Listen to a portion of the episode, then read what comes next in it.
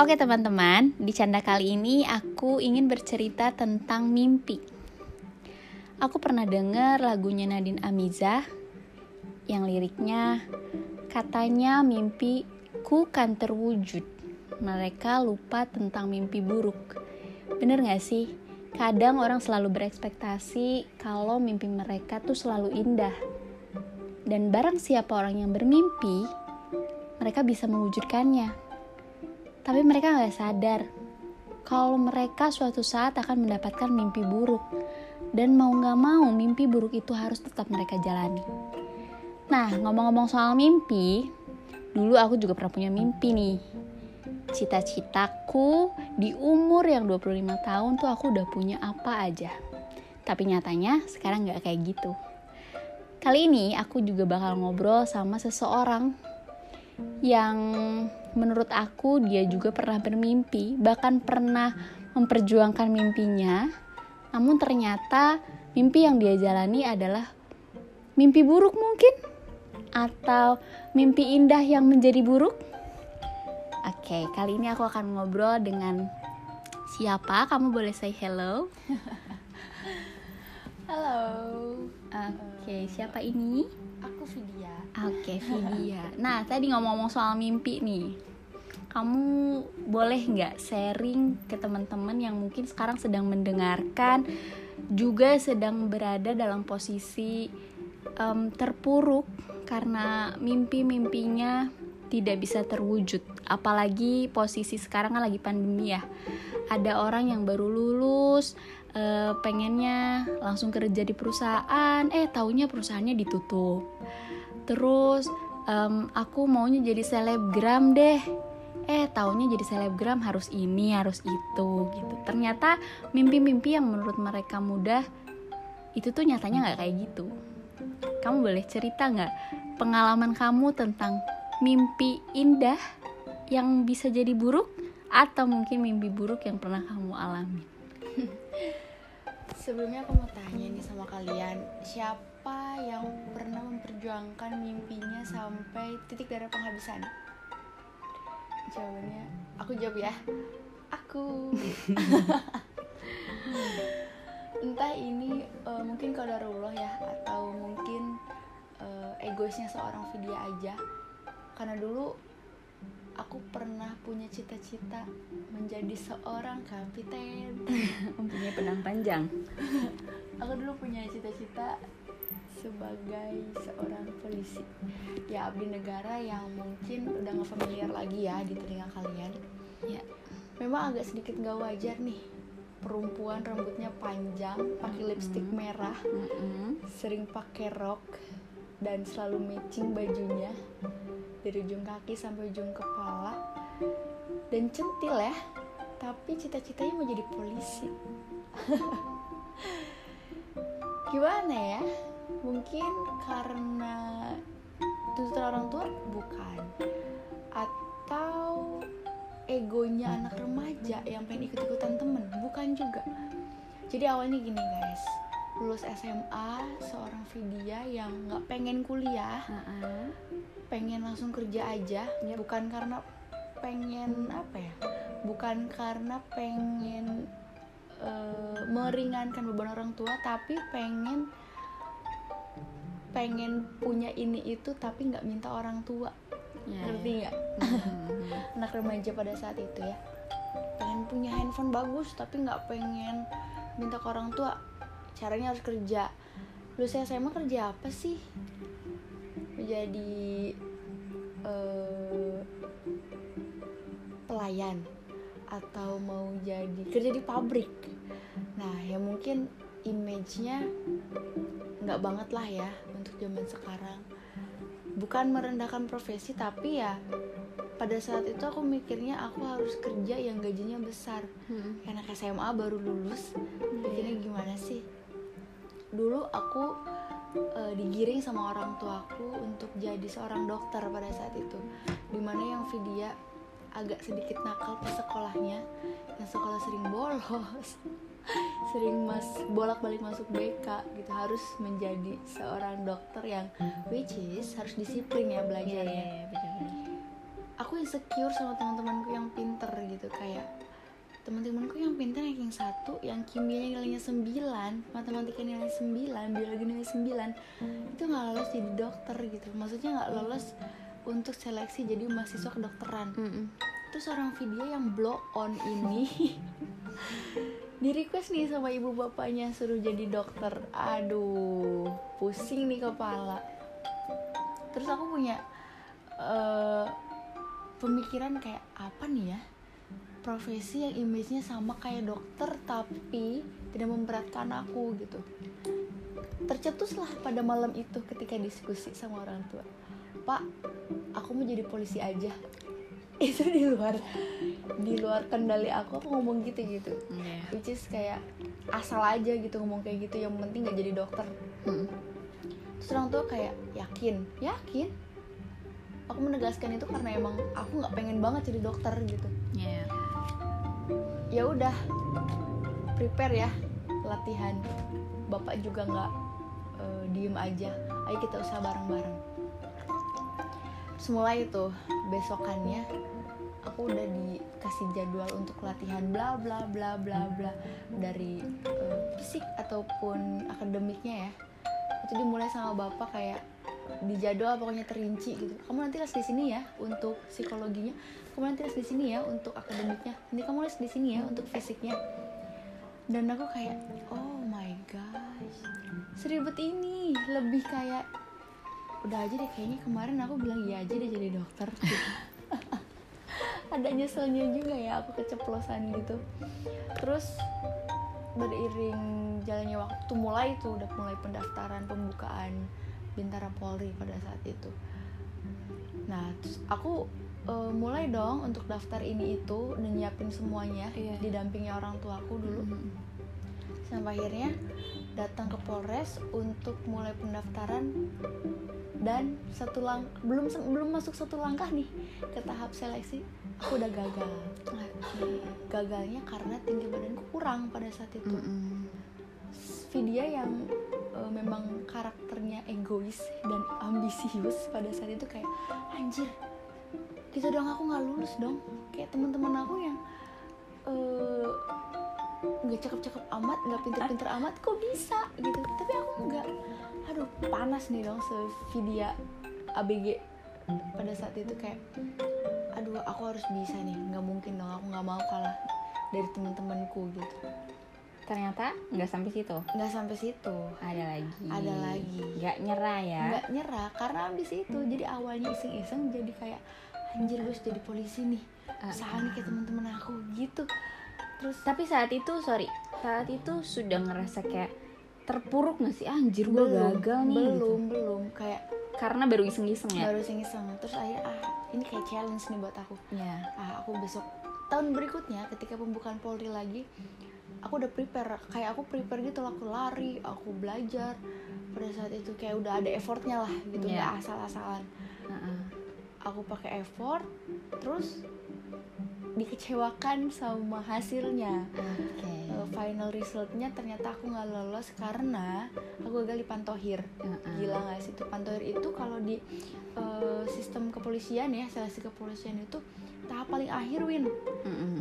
Eh, setelah kita lulus pantohir kita ikut pendidikan lang- langsung jadi polisi. Jadi by the way ada berapa tahapan untuk sampai ke Aduh situ tuh? lupa ya tapi kayaknya almost dari 10 tahapan oh ada 10 tahapan Iya, berarti lebih itu dari tuh 10 ke tahapan. 10 lebih dari 10 tahapan kita anggaplah itu 13 mungkin ya. oh wis Nah itu di tahap ke-13 itu Iya. yang sedikit lagi Mm-mm. Gak jadi guys, aku gak lolos gagal lagi Gagal di tahun kedua. nih Hmm, Nah Nggak itu sampai usia, situ? usia aku kan eh, 18 tahun lulus SMA ya Heeh. Dan maksimal itu kan 21 tahun Jadi aku punya Ya. kesempatan 1, 2, 3, Tiga 4 tahun. kali tuh 4 kali untuk daftar polisi Iya, 4 kali daftar polisi tapi di, di tahun ke di tahun ketiga aku gagal di akademik di tahun keempat terakhir kesempatan itu aku kayak galau gitu loh. Ikut Ini lagi apa enggak ikut ya? lagi atau enggak ya? Aduh bakal kecewa lagi enggak ya? Atau mungkin aku lolos di tahun terakhir aku nyoba. Jadi sampai situ udah tiga kali berarti ya gagalnya kali yang pertama gagal. karena eh, kesehatan maksudnya tinggi Hmm, badan. fisik ya. Ah, yang kedua Fisik ya, di pantohir. Tohir yang ketiga di akademik. Akademik di Nah, perengki Nah, nggak kelar tuh nggak terus kelar. di tahun terakhir aku mikir kayak aduh kalau misalkan kayak bak kayak apa ya? Kayak aku nggak bakal ngambil risiko gitu Mhm. makan buah si malakama. Iya. kalau aku coba lagi aku takut gagal lagi. Iya. tapi kalau misalnya aku nggak coba aku nyeselnya sampai mati nggak sih? Iya, kayak kenapa Setuju, nih? setuju. Aku nggak berani nyoba. Iya, padahal bener-bener. siapa tahu di tahun terakhir aku nyoba itu aku jadi. Itu Mm-mm. kayak main judi nggak sih? Iya bener. Gambling ya? Iya kayak lulus syukur. Enggak ya memang kecewa jalannya tetap. sep- eh, kecewa tetap tapi memang jalannya seperti itu. Iya bener-bener aku coba lagi nih dengan semua resikonya dan Iya. dengan eh, godaannya Win. Ada godaannya? Iya. Godaan yang pertama karena mungkin eh, kita kan kalau jadi polisi pada saat itu harus perfect ya. Iya. Kebetulan aku punya eh, varises. Mm-mm. jadi aku harus suntik dulu tuh varises. Mm-mm. dan itu sakit banget Win. Sumpah aku nggak bisa jalan gara-gara itu. Banyak effort banget ya berarti ya? Hmm. aku harus operasi gigi aku Oh. harus eh, permak mukaku nggak boleh ada Iya, jerawat iya. segala saat Oh iya nggak boleh ada jerawat? Nggak boleh sama sekali. Oh. Kayak harus perfect banget gitu manusia sempurna. Ngeri banget Bupol.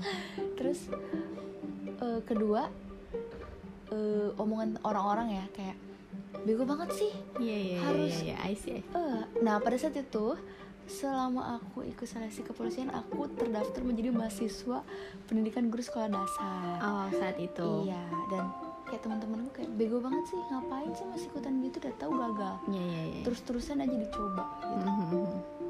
bego banget sih atau nggak kasihin banget sih sama orang tuanya ngebuang uang Iya, gitu. iya. padahal nggak sedikit loh uang yang dibuang sama orang tuanya Mhm. buat lo yang nggak? Tentu pasti jadi polisi. Iya benar-benar. Hai itu udah kayak ah bodo amat lah gitu. Yang penting aku nggak akan penasaran sampai mati gitu kan. Mhm. dicoba lah itu tahun terakhir. Pada saat itu kayak aduh ekspektasinya udah udah besar banget aduh pasti jadi nih udah tahun ini pasti jadi nih gitu. Dengan Iya. dilihat dari progres yang dari tahun kemarin dari tahun ke tahun ini progresnya udah naik banget nih. Aha. aku udah ikut les yang paling bagus di Bandung. Oh iya. Aku udah ikut eh, pelatihan jasmani yang udah paling oke gitu Iya kan. iya benar-benar terus ah udah udah pede banget nih udah pasti lolos. Dan ternyata Tuhan punya rencana lain. Iya. Tuhan kasih aku surprise untuk tidak menjadi polisi di tahun itu di tahun terakhir aku eh, usaha gitu ya. Udah lah kelar di situ. Oh itu udah galau setengah mati deh itu kayak Duh kayaknya nggak jadi apa-apa deh gitu. Dan karena memang aku nggak punya nggak punya passion di eh, dunia pendidikan ya. Jadi aku yang ngikutin aja alurnya gitu. Sampai cuti sampai kayak dikasih dihantui eh, untuk nggak lulus tepat waktu gitu. Iya.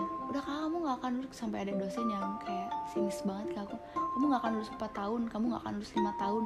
Kamu kayaknya bakal jadi mahasiswa abadi atau kamu nggak akan lulus. Kamu bakal di do ngeri banget ya setelah ternyata. gagal terus dihantuin sama eh, statement-statement dosen yang nggak punya hati itu.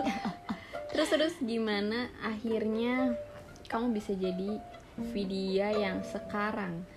Karena sebenarnya yang bikin down itu adalah eh, orang lain ya sebenarnya. Maksudnya dukungan Omongan orang lain. Iya, dukungan dari sesama baik itu teman, keluarga itu udah pasti dibutuhin banget ya saat itu. Nah, pasti empat kali gila loh. Udah udah udah udah tipalitek kalau cek bahasa Sunda mah udah tipalitek terus abis itu tikus ruk deh gitu kalau kata orang Jawa udah entok bebek entok meri. Kayak gitu jadi udah jatuh lu jatuh lagi gitu. Iya. yang kemarin belum sembuh udah mulai jatuh lagi gitu. Nah gimana akhirnya? Kamu bisa sampai di tahap ini yang for in- for your information sekarang Vidya sudah bekerja di salah satu badan usaha milik negara. Alhamdulillah sudah bisa mencukupi dirinya dan keluarga. Eh, seperti yang dia impikan eh, pada saat dia kecil.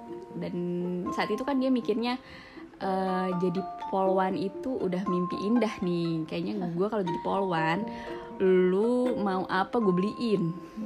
Gue mau beli tas yang paling mahal juga bisa gitu. Tapi ternyata eh, mimpi indahnya dia berubah.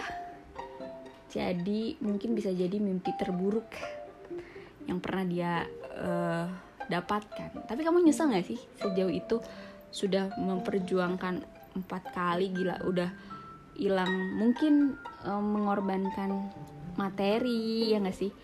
Waktu udah pasti. Dan mental sih yang paling penting. Kalau ditanya kayak gitu jawabannya enggak. Enggaknya pakai caps lock ya? Pakai tanda seru. nggak nyesel ya? Nggak nyesel karena apa ya? Itu kayak jadi eh, pengalaman aja gitu. Pengalaman aku pernah eh, berusaha dan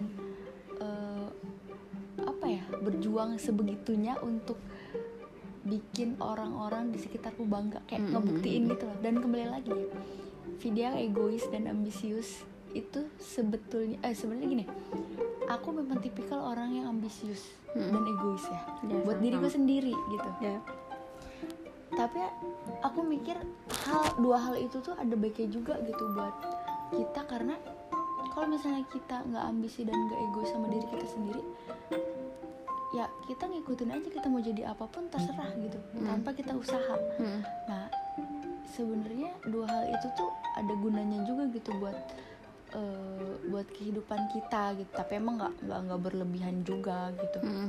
dan hal dan itu dilakukan dan dan itu diterapkan untuk hal-hal yang positif ya ya bukan hal-hal yang eh, nggak baik dan kenapa aku bisa eh, bangkit lagi secara waktu itu aku pernah kayak scroll Instagram gitu kan random Mm. terus si apa namanya jari aku tuh kayak berhenti di satu postingan kayak apa ya dulu ya postingan akun-akun hijrah gitu Iya. Masya Allah. pipi banget ya terus aku dengerin sampai beres nggak sengaja itu ya nggak sengaja aku denger sampai beres kayak ada salah satu ustadz cerita katanya dia punya temen eh, hal hal yang eh, apa ngalamin hal yang sama persis banget kayak aku gitu. Pernah berjuang di eh, dunia kepolisian waktu itu mau jadi polisi ya mau jadi polisi terus gagal. Terus nggak lama kemudian ke- dia ketemu sama salah satu temen yang eh, berjuang bareng dan which is temennya itu jadi polisi Mm. dia jadi pengusaha Mm. dia jadi pengusaha kaya banget lah omsetnya itu nggak kurang dari 2 miliar per ta- eh, per bulan Wih. per bu- dia nggak kurang dari 2 miliar per bulan Iya. dia punya toko banyak di satu mall besar Mm-mm. terus dia cerita tuh sharing ke temennya eh apa kabar bro Eh, apa kabar nih? Sekarang udah di mana dinasnya gini gini bla bla bla bla bla. "Ah, aku sini eh, aku di sini kerjanya gitu. Terus kau jadi apa sekarang? Aku jadi pengusaha nih gini gini, gini. wah gila keren amat. Terus gimana tuh? Ceritanya si A B C D gitu. Kasih tuh dia nyebutin nama teman-temannya.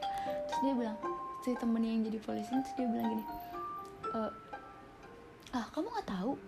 Si A B C D itu udah nggak ada bro gitu. Gara-gara ditempatin di Aceh dan pada saat itu eh, tsunami. Oh. tsunami terus di Mako tempat dia dinas itu dekat dengan pantai kan Mm-mm. itu sudah habis lah gitu sampai uh, kodarullah mereka harus pergi gitu Ya.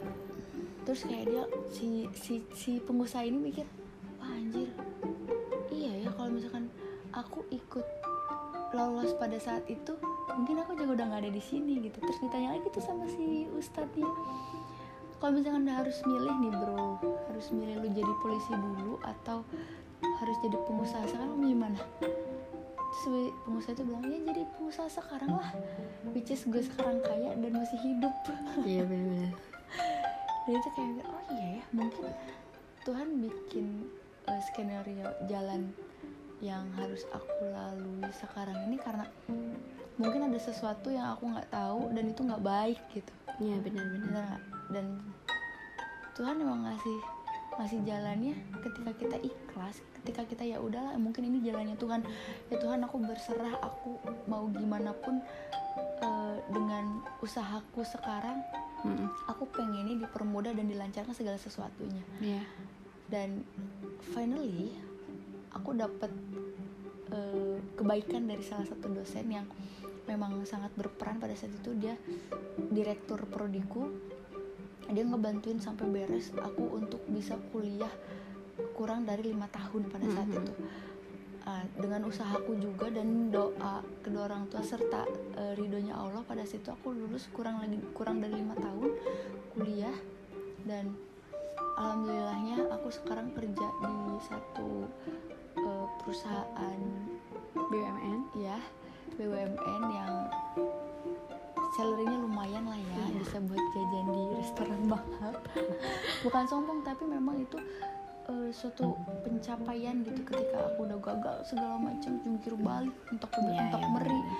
sampai kesakitan ah berdarah darah gitu terus sekarang aku bisa sampai di titik ini tuh kayak wah ini kayaknya jalan Tuhannya memang harus seperti ini. Iya, iya, Tuhan punya rencana baik tuh ya betul gitu. Jadi nggak boleh lah kita seuzon sama Tuhan ah Tuhan nggak sayang nih kita kita kita punya kita punya kepengenan mau jadi ini tapi nggak nggak dibantu nih sama Tuhan. Enggak sebenarnya kegagalan yang Tuhan kasih pada saat itu mungkin cara Tuhan menghindari kita dari sesuatu yang nggak baik buat kita. Yes betul. Nah kalau Winda gimana nih? Punya nggak pengalaman kayak gitu? Nah, kayaknya pengalaman aku akan aku sampaikan di episode selanjutnya. Oke, jadi aduh gantung ya guys. Sebenarnya kan biar dengerin lagi gitu. Jadi em, sebetulnya teman-teman dari yang tadi kita sudah ceritakan, kita berkesimpulan kalau misalnya gagal itu tidak apa-apa, ya nggak? betul Jadi kamu harus coba gagal kalau kamu mau jadi yang terbaik sekarang. ya nggak? Walaupun Betul. waktunya lama dan walaupun yang dirasain itu sulit karena ternyata kamu nggak sendirian. Kalau kamu ngerasa kamu gagal, kamu tidak bisa menjadi yang terbaik, kamu nggak sendiri. Banyak loh orang lain yang ternyata pernah gagal dan sekarang jadi yang terbaik gitu. tahu nggak Win salah satu eh, quotes ya bisa dibilang quotes Ya, yang aku pegang selama ini pemenang ulung itu bukan pemenang yang satu kali jadi langsung menang iya benar-benar. tapi pemenang ulung itu pemenang yang sudah berusaha dan pernah gagal Ya. juara satu itu bukan kayak langsung jadi juara, Juara satu, satu, iya ha. bisa jadi sebelum juara satu itu dia bisa juara, juara dua juara tiga atau eh, sama sekali bukan juara bukan siapa-siapa Mm-mm. kalau misalnya dibilang ah dasarnya itu mah statementnya orang yang nggak mau dibilang gagal bukan Iya kalau misalnya lo langsung berun eh, langsung jadi pemenang mungkin karena lo cuma hanya beruntung doang gitu Iya. tapi enak gak sih kalau dicap ah beruntung doang gitu ah lo mah cakep doang gitu, tanpa ada usaha Jemput atau- cewek ke eh, eh. panggang. ganteng doang tapi dipanggang Kayak gitu intinya asal kita mau belajar em, terhadap apa pun yang kita sudah terima dan kita cari tahu kalau misalnya ternyata eh, Tuhan punya jalan lain dan kita mau menerima kegagalan itu aku rasa kita akan menjadi seseorang ya ini terbukti dari pengalamannya Vidya tadi yang diceritain mungkin nanti juga aku akan bercerita tentang sedikit banyaknya kegagalan yang pernah aku alami sampai akhirnya aku bisa menerima diri ini sebagai Winda yang saat ini em, di episode selanjutnya. Oke, terima kasih teman-teman sudah mendengarkan cerita Winda hari ini. Thank you Vidya. thank you Linda dan thank you buat kalian Oke, semoga cerita yang tadi video ceritain bisa menginspirasi teman-teman yang mungkin sekarang sedang merasa gagal, insecure uh, uh, insecure, pede. nggak pede. atau mungkin belum mencapai apa yang teman-temannya capai. Em, semoga kalian bisa mulai menerima diri kalian kalau ternyata kalian itu terbaik. Kalau kata Tulus di lagunya Gajah, yang terburuk kelak bisa jadi yang terbaik. Itu adalah Nyanyi bareng-bareng yuk pegangan aku dari dulu. Terima kasih teman-teman, sampai bertemu di canda selanjutnya. Wassalamualaikum warahmatullahi wabarakatuh. bye